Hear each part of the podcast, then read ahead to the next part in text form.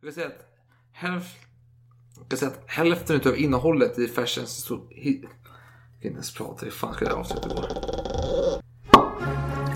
Mitt konunganamn skall vara Karl den sextonde Gustav. We shall never surrender. allen Zeiten nicht die Mehrheit! Kom inte med en sån jävla provocerande och aggressiv ton mot mig.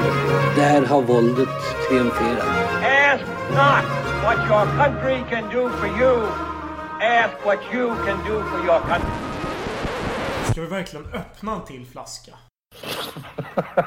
ja, vad fan har du att välja mellan? Skål, ta mig fan! I have a dream. Ah, I see you look at your leader. And I too look to you, Paul Bauma. It's one small step for man, one giant leap Skitsamma. Ja, välkomna tillbaka till eh, den femte delen utav, eh, Femte och sista delen. utav Fashion, den äldres, pappa Fashions makalöst intressanta liv. Det mest makalösa ska jag säga det är att han får fler delar än den yngre. Med tanke på att hans liv har varit lite torftigare. Kan man tycka. Ja, men det är ett prejudikat. Detta, så innebär, detta innebär ju då att vi kommer göra fler avsnitt om den Nej, yngre. nej, nej. Det får räcka nu. Vi har tillräckligt.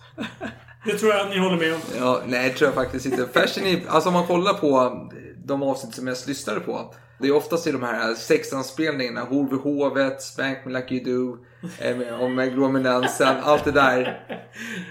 De kommer ganska högt upp. Föga förvånande kanske. föga förvånande. men Fashion är alltid bland toppen, trots hans asexuella anspelning i titeln. Han är ändå känd som en horbock. Jo, men alltså titeln har ingenting med sex att göra. Nej, nej, det är ingen clickbait på så Ja, sätt. jo, visst. Men ändå är han alltid i toppen. Absolut. Ja. Absolut. Så det- Jag, jag viker mig. Folk älskar fashion alla dagar i veckan. De, lyssnar, de älskar att höra på honom i alla fall. Det verkar så i alla fall. Eller höra om honom. Ja, precis. Ja. Inte på honom, det är svårt. Vi ska fortsätta vår vandring här genom hans liv. Och som ni förstod de föregående avsnitt så är, nu är det inte lika mycket en röd tråd som binder samman. Den röda tråden är egentligen årtalen. Ja. Eh, nu är mycket hans tolkningar. Alltså det är som livet i stort. Tänk dig ditt liv. Det är små händelser dag ut dag in. Större och mindre Apropå små tilldragelser. händelser. Jag håller en Chateau Neuf de Pape där. Jag ser du väldigt ivrigt håller i tomma glas och vill ha påfyllning. Så jag, jag, jag köper dina signaler. Nu, nu gör vi det här. Fyller på lite. Ja. Så. Eh, absolut. Små händelser. Oj, förlåt. Nu spelar jag lite. Jag blir, Eh, Gud hör bön. Eh, Gud har ibland. Nej men små tilldragelser i livet som skapar en större bild. Och detta handlar mycket som jag förstod förra avsnittet om Gustav III. Och jag tycker ändå att han är lite som en politisk kommentator här Fashion. Under Gustav IIIs eh, regentskap. Och jag tycker det säger väldigt mycket om Fashion själv. Hans reaktioner på Gustav III. Vad är Fashion för person egentligen? Jo, men det spelar sig i hur han kommenterar Gustav IIIs liv. Då måste man tänka på han, det liv han har levt hittills. Den världsbild han har haft hittills. Ja. Det måste man hålla i huvudet lite också. Mm. Tänker jag. Ja, så om ni inte lyssnat på de andra avsnitten så lyssna på dem före detta avsnitt så får ni en bättre helhets, helhetsbild över det hela. Men innan vi börjar ska vi leka vår vid, vedervärdiga lek. Så nu kör vi igång. Fyra ord ska uttalas rätt. Lyckas han omsätts pengar till rödvin för podden. Misslyckas han tvingas han dricka champagne! Ich bin ein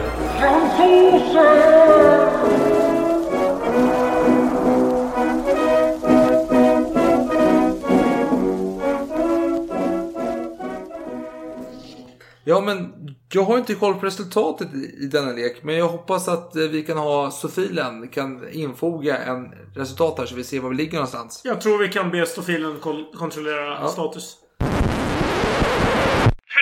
Jag får återkomma. Men eh, det ser inte bra ut. Ja, härligt. Det går inte så bra för mig som vi märker. Men jag har ett nytt ord här. Eh, Låt mig bokstavera det jag fått framför mig. N-E-U V-I-E med apostrof, bakåt apostrof, det vill säga att den går till vänster och inte till höger. M-E N V-M Nu gör vi mer. Noll poäng. No! Pissrått. Vi kan lyssna på Vad facit. betyder det? Ja, men vi lyssnar på det. är nionde, är det vad det heter. Med. Ja, vi ska göra så här. Nej men vad fan, vänta. Ah, jag...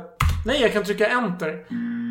Åh, nej, jag kan tyvärr. Jag måste lösa det här i efterhand. Jag, tyvärr, tangentbordet är trasigt för att vi har spelat vin på det. Ja, hon låter ju missbildad, men absolut. Neviem. Jag säger Neviem. Det gjorde du inte. Det kan vi lyssna på i efterhand. Nu gör vi mer. Nu gör vi mer. Neviem sa jag. Nej, noll poäng. Men vi går vidare. Okej, nästa ord är M-E-R-D-E. Merd. Merd. Ja, jag ger dig... Jag ger dig absolut poäng. Jag ger dig eh, halvpoäng. Absolut. Jag skulle uttala det själv då. Merde. Merd. Ja. Men då är det det här skånska r Du måste ju Jo, skåra men, till jag, det. men jag kör lite italienskt. Nej, men det är inte... Så halv poäng. 50, 50 Ja. poäng. Tredje ordet är då R-O-Q-U-I-N. Det är alltså haj på franska. Rokin. Nej. Rocken. Ja, det lät mycket bättre faktiskt. Rocken. Men, men du sa det första Nej, nej, nej. Det? Säger dig en halv... Nej, jag vill ha... Vänta. Rocken. Rocka. Nej, nej men halv poäng. Okej, sista ordet jag har då är C-H-I-E-N.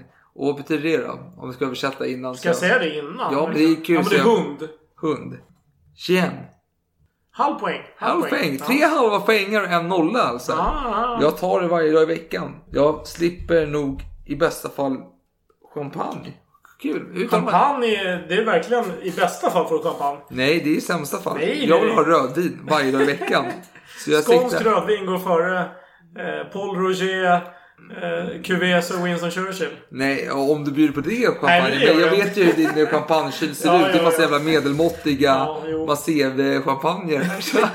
Massé ska jag inte bunkra. Men jag förstår vad du menar. Ja, jo, nej, men det är inte... Ja, vi får, vi får eh, se över det här helt enkelt. Ja. Kan vi ge någon form av uttalande om Ja, men- den här leken är över? ja, men ja, vi har en omgång kvar efter denna. En omgång kvar. Okej. Men jag vill höra, Mm. hur låter Chien med franska uttal? Det låter precis så här.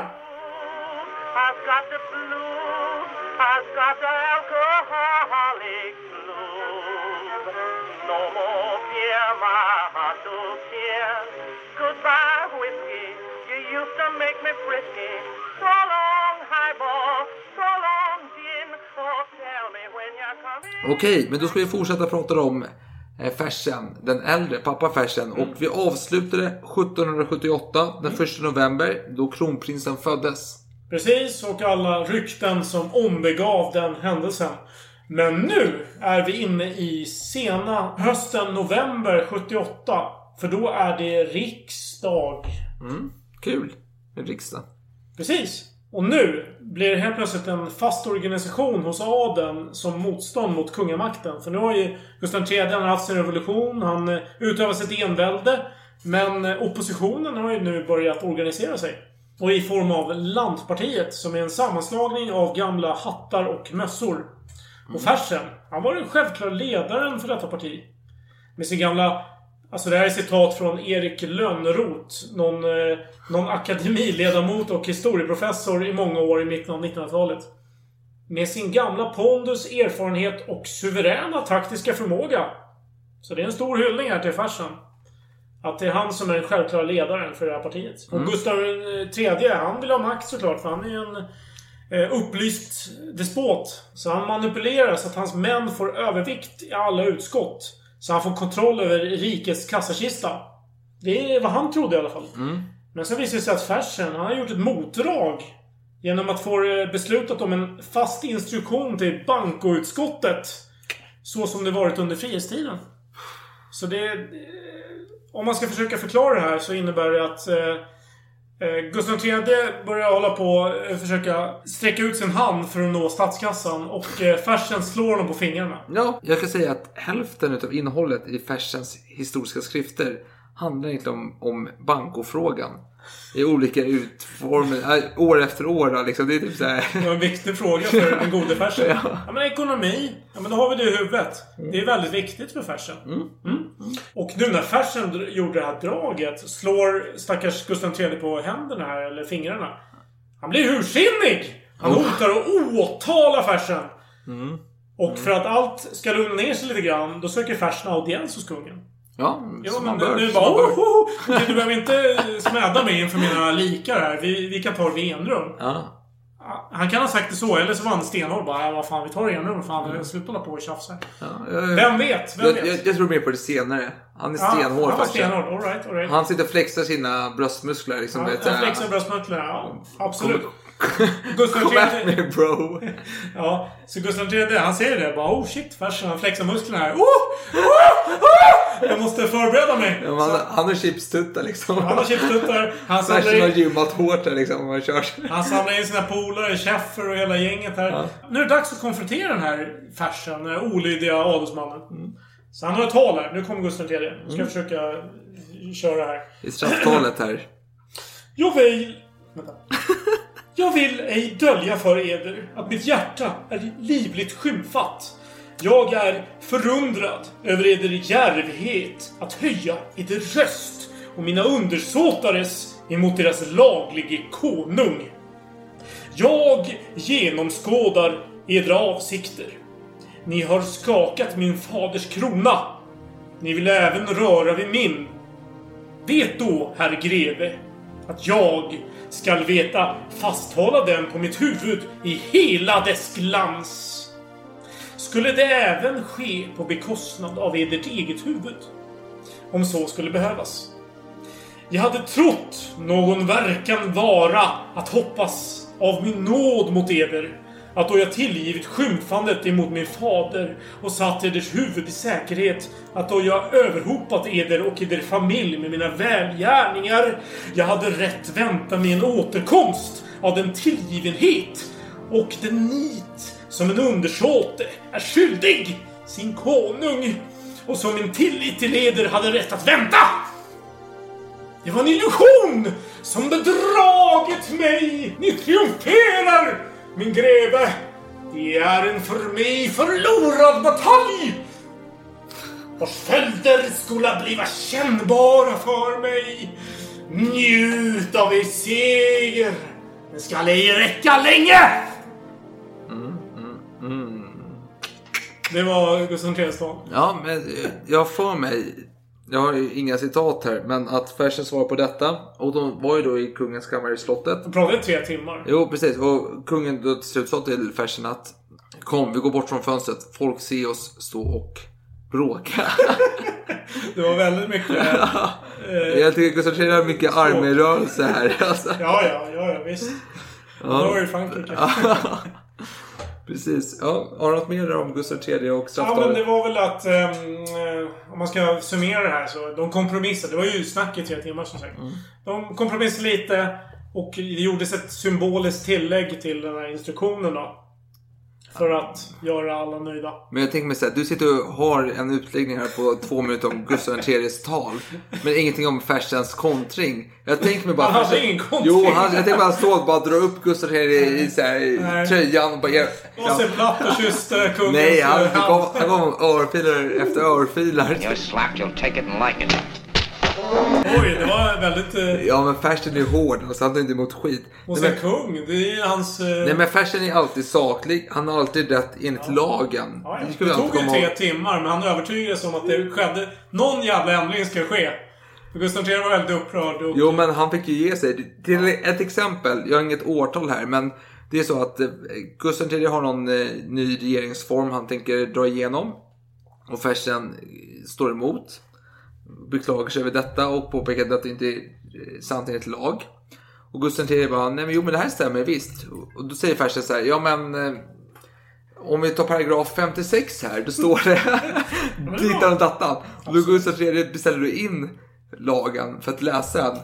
Och så bara, jaha. mhm.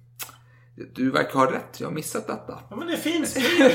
Men jag, jag tror så här. Så det är Fersen, han har koll på alla små paragrafer. Jag tror släkten Fersen och Gustav III är i stor sak eniga. Man ska gå efter lagar. Men Gustav III vill påverka lagarna. Och Fersen vill förhindra de här påverkan, kan man säga. Jo, men, Men de kör ju sitt eget spel. Jo, men- Det blir värre när någon bara skiter i men du vet ett annat, exempel som kommer en bra bit senare. Och det är angående att när Gustav III får sin son, första son, Gustav Adolf. Han har gjort en skrivelse som har lagts bland riksdagens ständerna, någonting om hans moder. Och sen några år senare så tänker han att jag vill förstöra denna skrivelse som jag har gjort. Hur ska jag gå tillväga? Och Fersen säger men det är enkelt. Du begär bara ett skriftligt... Eh, så här, du vill få tillbaka den här handlingen och den ska förstöras. Och Gustav säger ja fast jag vill inte att det ska ske offentligt utan det ska bara det är lite dolt så här den ska försvinna. Och där, där har vi skillnaden. Ja. Fersen går alltid enligt paragraferna, Ja, ja, ja. Han struntar i konsekvenserna. Han vill bara gå på paragraferna. Och Gustav vill, han vill ha det här så här, vi, vi blundar för detta och Ja, han- ser konsekvenser av att göra sådana saker öppet. Ja. Ja, nej men absolut. Nej, men det älskar jag på något sätt. Att Fersen håller väldigt hårt på lagen. Han tycker det är hans eh, moraliska regelverk. Det Ja. är ju svensk lag. Ja. På något sätt. det, det kan man ju Är det uppskatta. enligt? Ja, absolut. absolut. Eh, jag har ingenting mer att säga om den episoden. Nej. jag tänkte fylla i lite med Hedvig Elisabeth Charlottas kommentar Ja. från 1785 i juni. Fantastisk övergång. Fortsätt. Ja, okej. Okej, det här är hennes uttalande om Fersen. Oj. Pappa Ja, men- Fersen. Eller? Om pappa, nej, om pappa, alltså om eh, Fredrik Axel Ja, von Fersen. ja, pappa Fersen. Ja. Precis. Han är högdragen och stolt. Mm. Kanske nästan allt för ekonomiskt anlagd för att vara en så rik man. Han har varit använd vid många kinkiga tillfällen och alltid förstått att leda meningarna efterger sin önskan. Vad fan är det för ord? Efterger. Utan att likväl förlora allmänhetens förtroende. Ja. I besittning av grundlig kännedom om sitt land och av andra nyttiga och angenäma kunskaper är han ej blott en stor statsman utan även en älskvärd sällskapsmänniska. I hurur ej överdrivet begiven på nöjen tycker han dock emellanåt om förstörelser. Ja. Och hans konversation är alltid underhållande. Samt vittnar om ett klart och redigt omdöme. Med sin lysande begåvning förenar han en skarp blick och förmåga att utforska andras tankar och förstår sig bra på människor. Han beskylles likväl för att ej så lätt glömma en oförrätt. Och att även vara något hämndlysten. Han är långsint alltså. Tydligen. Han har dragit sig från det offentliga livet ingalunda av orkeslöshet eller ålder. Utan endast därför att han föredrar ett oberoende liv och att få föra ett angenämt hus. Också är hans hus det enda där utlänningar visas någon artighet. så, så, så Sverige var alltså ett djupt rasistiskt land. Det är så jag ska tolka grejen. Att Ja, ja, ja. Han är inte lat utan han vill bara hålla sig bort från alla rasister. Så han håller hov där hemma. Ja. På Ljungs slott då, eller vad det blir. Ja, eller eh, Fersiska palatset på Blasieholmen. Fersenska, ja jo, precis. Men det är nära kungen så det är lite... Ja, men, men det är väl ändå bra Ja. eh, stand-off mot övriga.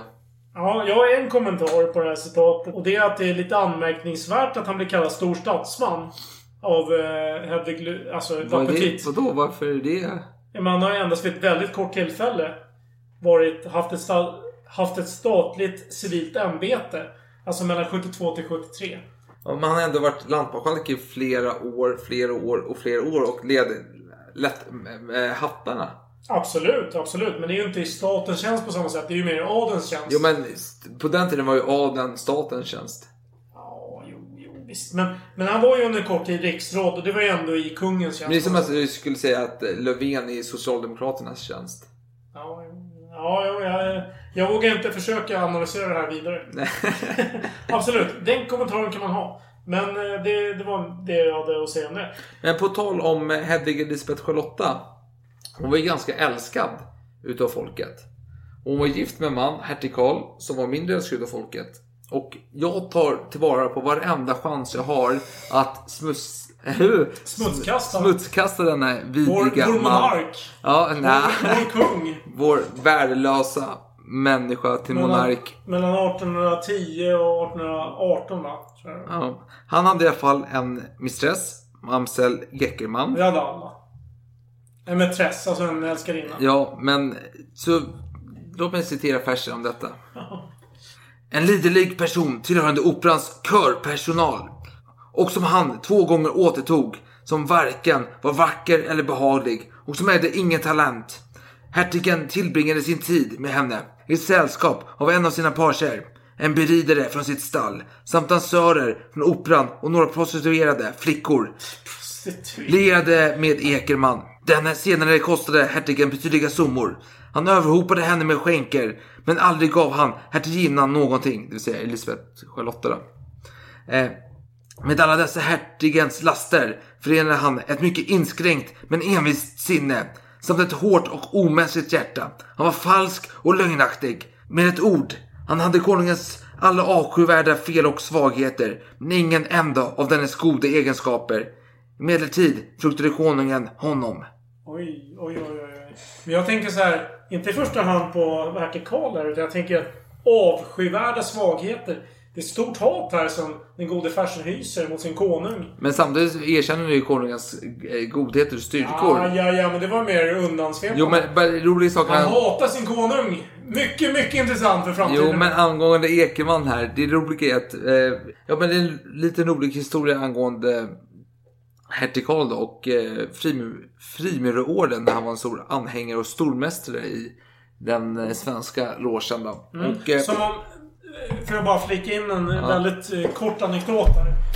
Vi har ju tidigare pratat om det här turnéspelet som Gustav III brukar köra på sommaren. Ja. Och det var ett perfekt tillfälle för hertig Karl och andra... Timmermans. Mm, 2010. Härligt. Absolut, jättetrevligt. Det var ett perfekt tillfälle för hertig Karl att eh, ta fram sina hemliga frimurarsymboler och annat. Och fästa det på sin vapensköld och annat. Ja. Så det var ju precis det som alla frimurare, frimurare helt enkelt gjorde i Sverige.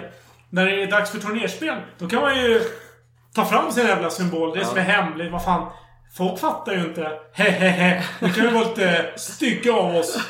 Så nu, då kan det vara ohemligt helt Ja, plötsligt jo. det roliga är här att det blir lite frågetecken här. För helt plötsligt skulle hertig Karl styra över en ganska stor... Han skulle vara stormästare för en ganska stor församling. Och då var det så här, Gustav III skulle sanktionera den. Och det tycker man var väldigt konstigt eftersom att han var ju ändå kungen. Och då skulle han ha någon som var i frimurarorden högre son än han själv.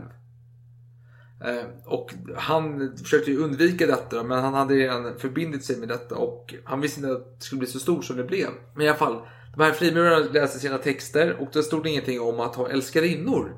Så hertig Karl då dumpade Ekerman för ett tag. Men vad Ekerman? Var det en av älskarinnorna? Det var ja, det stora med, med, jag vet inte, Mätressen? med träsen. Jaha, okej. Eh, som- Ekerman, jag. Ekerman som Fersen tyckte var ful. Eh, Men efter ett tag slog han tillbaka henne då när han inte orkade leva i torrhet.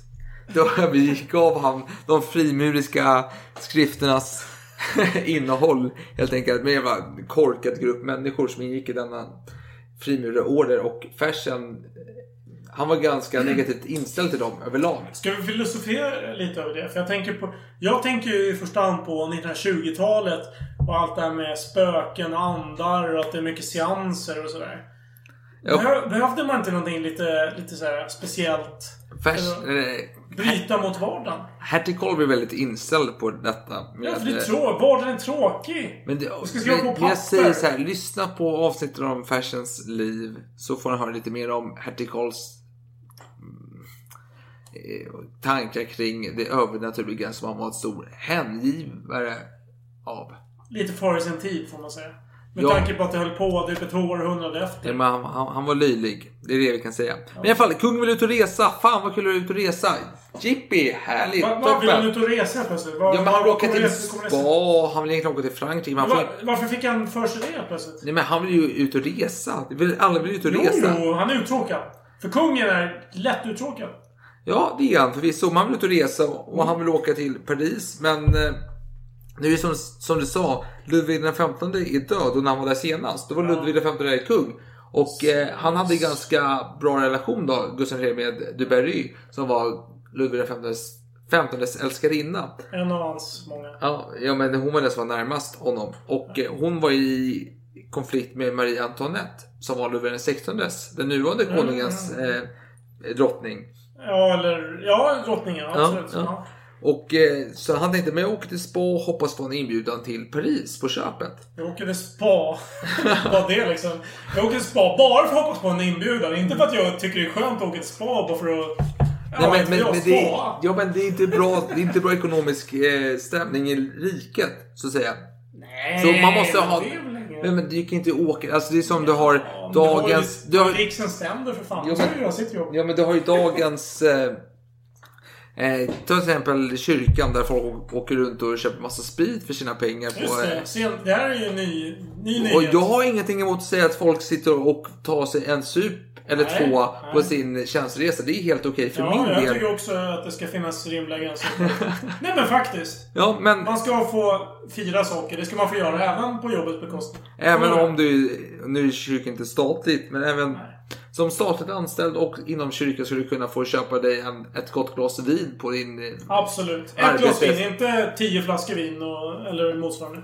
Nej men ett eller två glas är ju helt Absolut, rimligt absolut. tycker jag personligen. Men alla har vi olika åsikter omkring Jo, detta. jo, jo. Och vi verkar ha liknande åsikt om längden i alla fall. Men kungen måste ha en anledning att åka till spa. Och denna anledning är att han är sjuk. Oj, aj, jag har ont i magen. Jag Jag hade ont i armen för ett tag sedan. Ja men jag har ont i magen, jag har ont i nacken, jag har lite stel, behöver Voltaren men det finns inte på den här tiden. De åker till spa och ligger i bra källor och får lite Mm. behandling. Folk ser ju honom, för han håller sig inne, inne i slottet. För han är Mm. sjuk. Ja. Men folk ser honom genom fönstren, går runt där och lever loppan. Och Ja, ser till- pigg ut. Eller? han ser väldigt pigg ut. Oj! Och folk blir lite fråga, börjar ifrågasätta detta och då kommer kungen på Ja, jo, men jag är faktiskt sjuk på kvällarna när jag sover, det är då jag har ont. Okej. Så han åker till spa. Mm. Men inför han ska åka till spa måste han skriva testamente ifall han skulle dö Oj. när han är utomlands. För Dramatiskt. med allt det händer utomlands, det vet du ju själv. Ja, ja, ja. Usch, utomlands. Åka till Tyskland. Herregud. Mm. Vem vet vad som kan hända? Ja, kan men- bli mördad på öppen gata. Ja men det är väl Belgien för guds skull. Och där kan du ju få någon eh, dålig parasit. Ja, störst risk är väl att du dör av eh, alkoholism.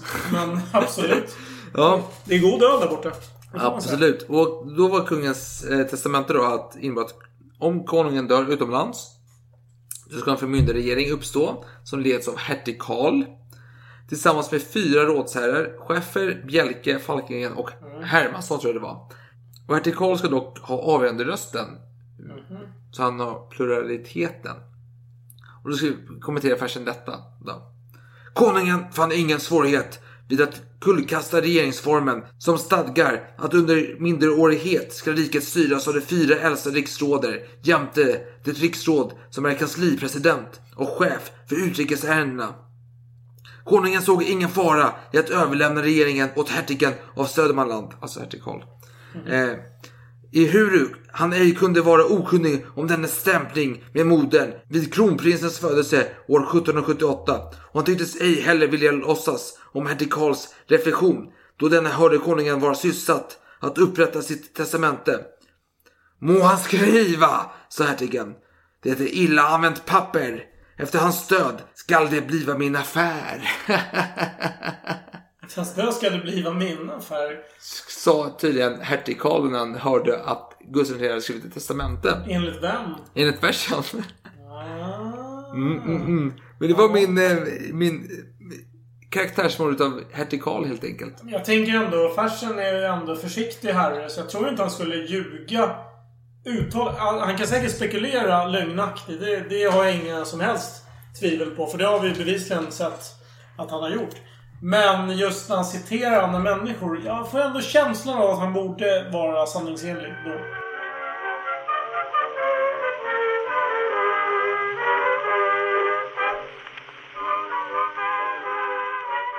Ja, jo, men jag tänker att jag gillar att göra personporträtt enligt versens vis. Mhm. Så jag tänkte bara, får jag lov att göra en utav kronprinsen?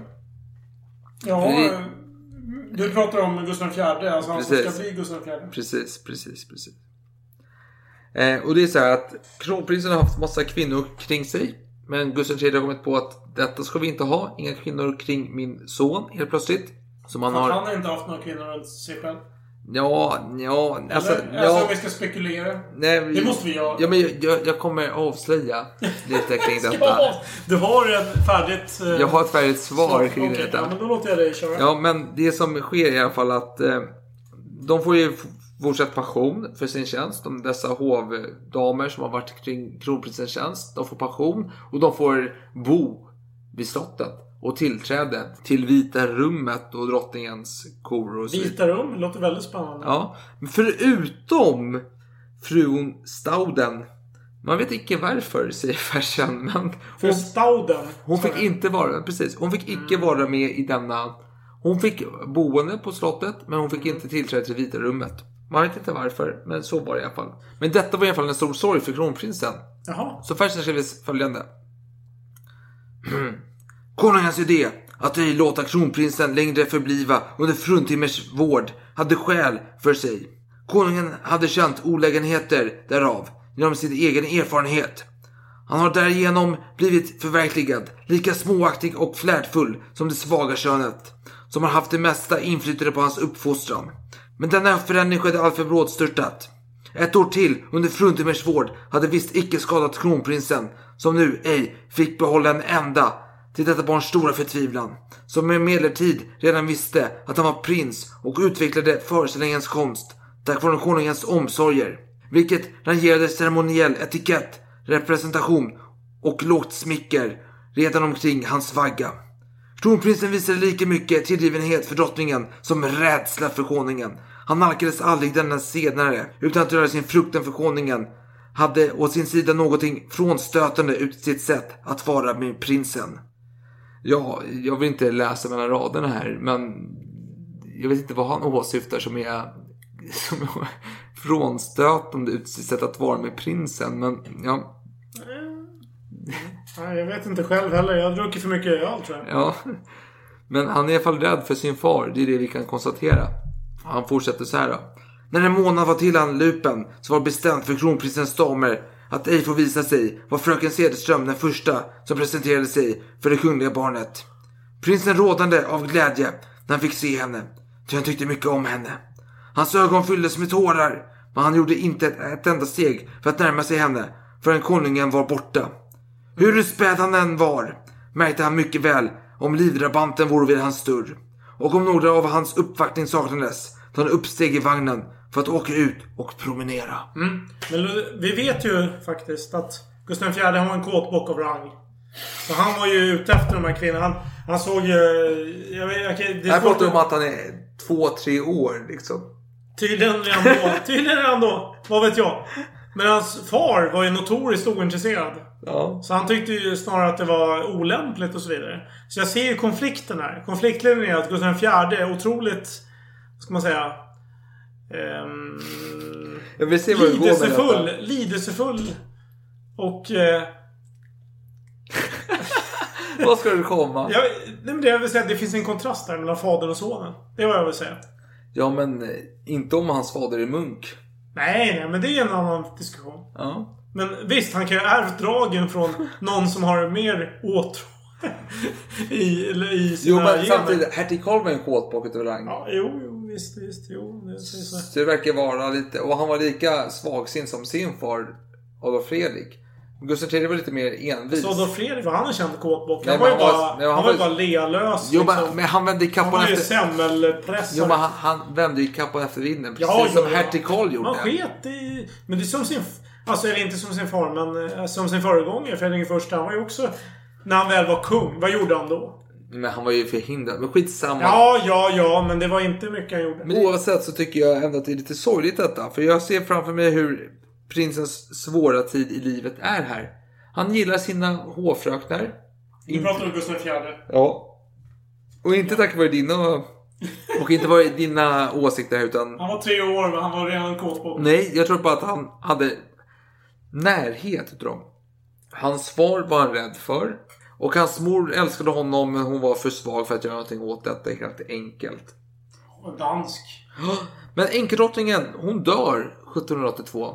Halleluja! Ja, jag tänkte säga massa saker om detta men jag avstår. Det får bli Instagram-inlägg istället för jag- vi har inte tid med detta. Nej. Så vi hoppar snabbt vidare.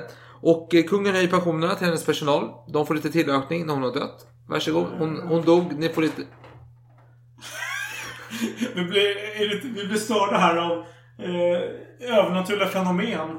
Det börjar typ galopperande lampor och allt möjligt konstigt.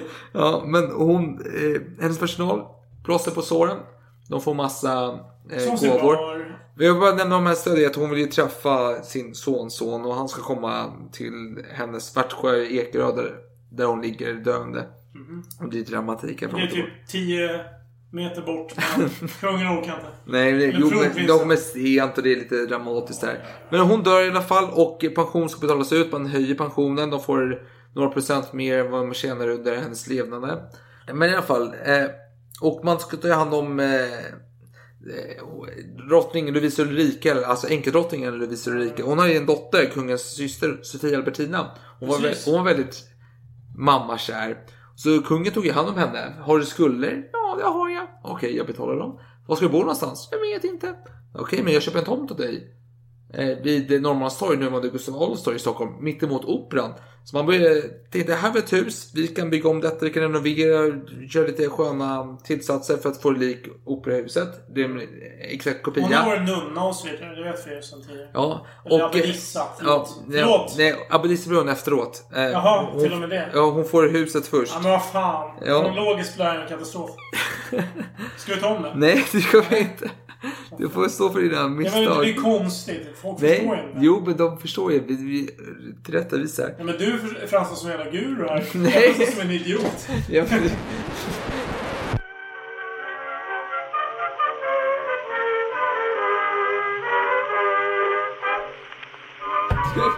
Om du drar saker... Nej. Nej, nej. Du har dragit ditt kort din jävel.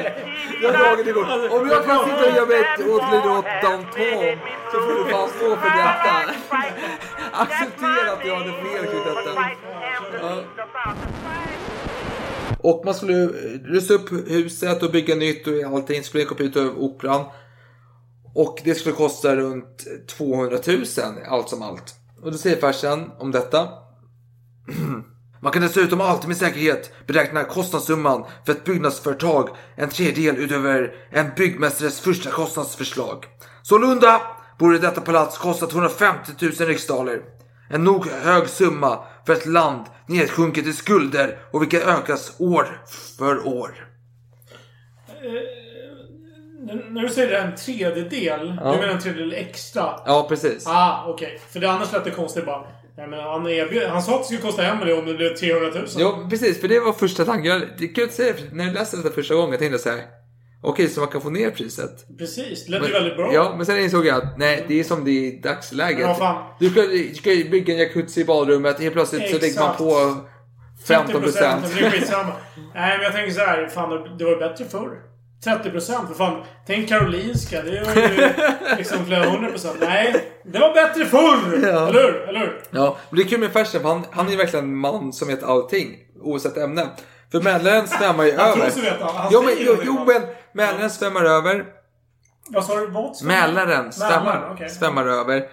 Eh, hus blir, alltså det är översvämningar och då ska man bygga någon jävla grej, kanal ute vid Södertälje för att eh, lätta på trycket. Och Fersen säger då att det är väldigt dåligt för att själva jordkvaliteten ute i Södertälje, den är väldigt dålig. Så det innebär att man måste, att det är svårt att göra kanaler ute i Södertälje. Så detta företagandet är lönlöst. Oj! Klok man. Han Så kan han- han. Han brukar gå runt och gräva jorden och analysera jordkvaliteten. Bara, nej, det här är dålig jord. Det här är bra jord. Men sen, sen har vi en jul. Jag tror för sig att detta sker innan drottning, enkeldrottningen dör. Men bara lite... Förlåt, kan vi repetera ungefär var vi är årmässigt här? Är det 86? 82 är vi runt. Okej, okej. Jag tror det är runt där, lite innan 80 någonstans där. Då går vi tillbaka lite för att jag nämnde En- tidigare eh, Hedvig Elisabeth Charlottas uttalande. Det var ju från 85 till exempel. Jo men jag pratar med hennes, enkeldrottningen stöd är 82. Ja, men okej. vi går...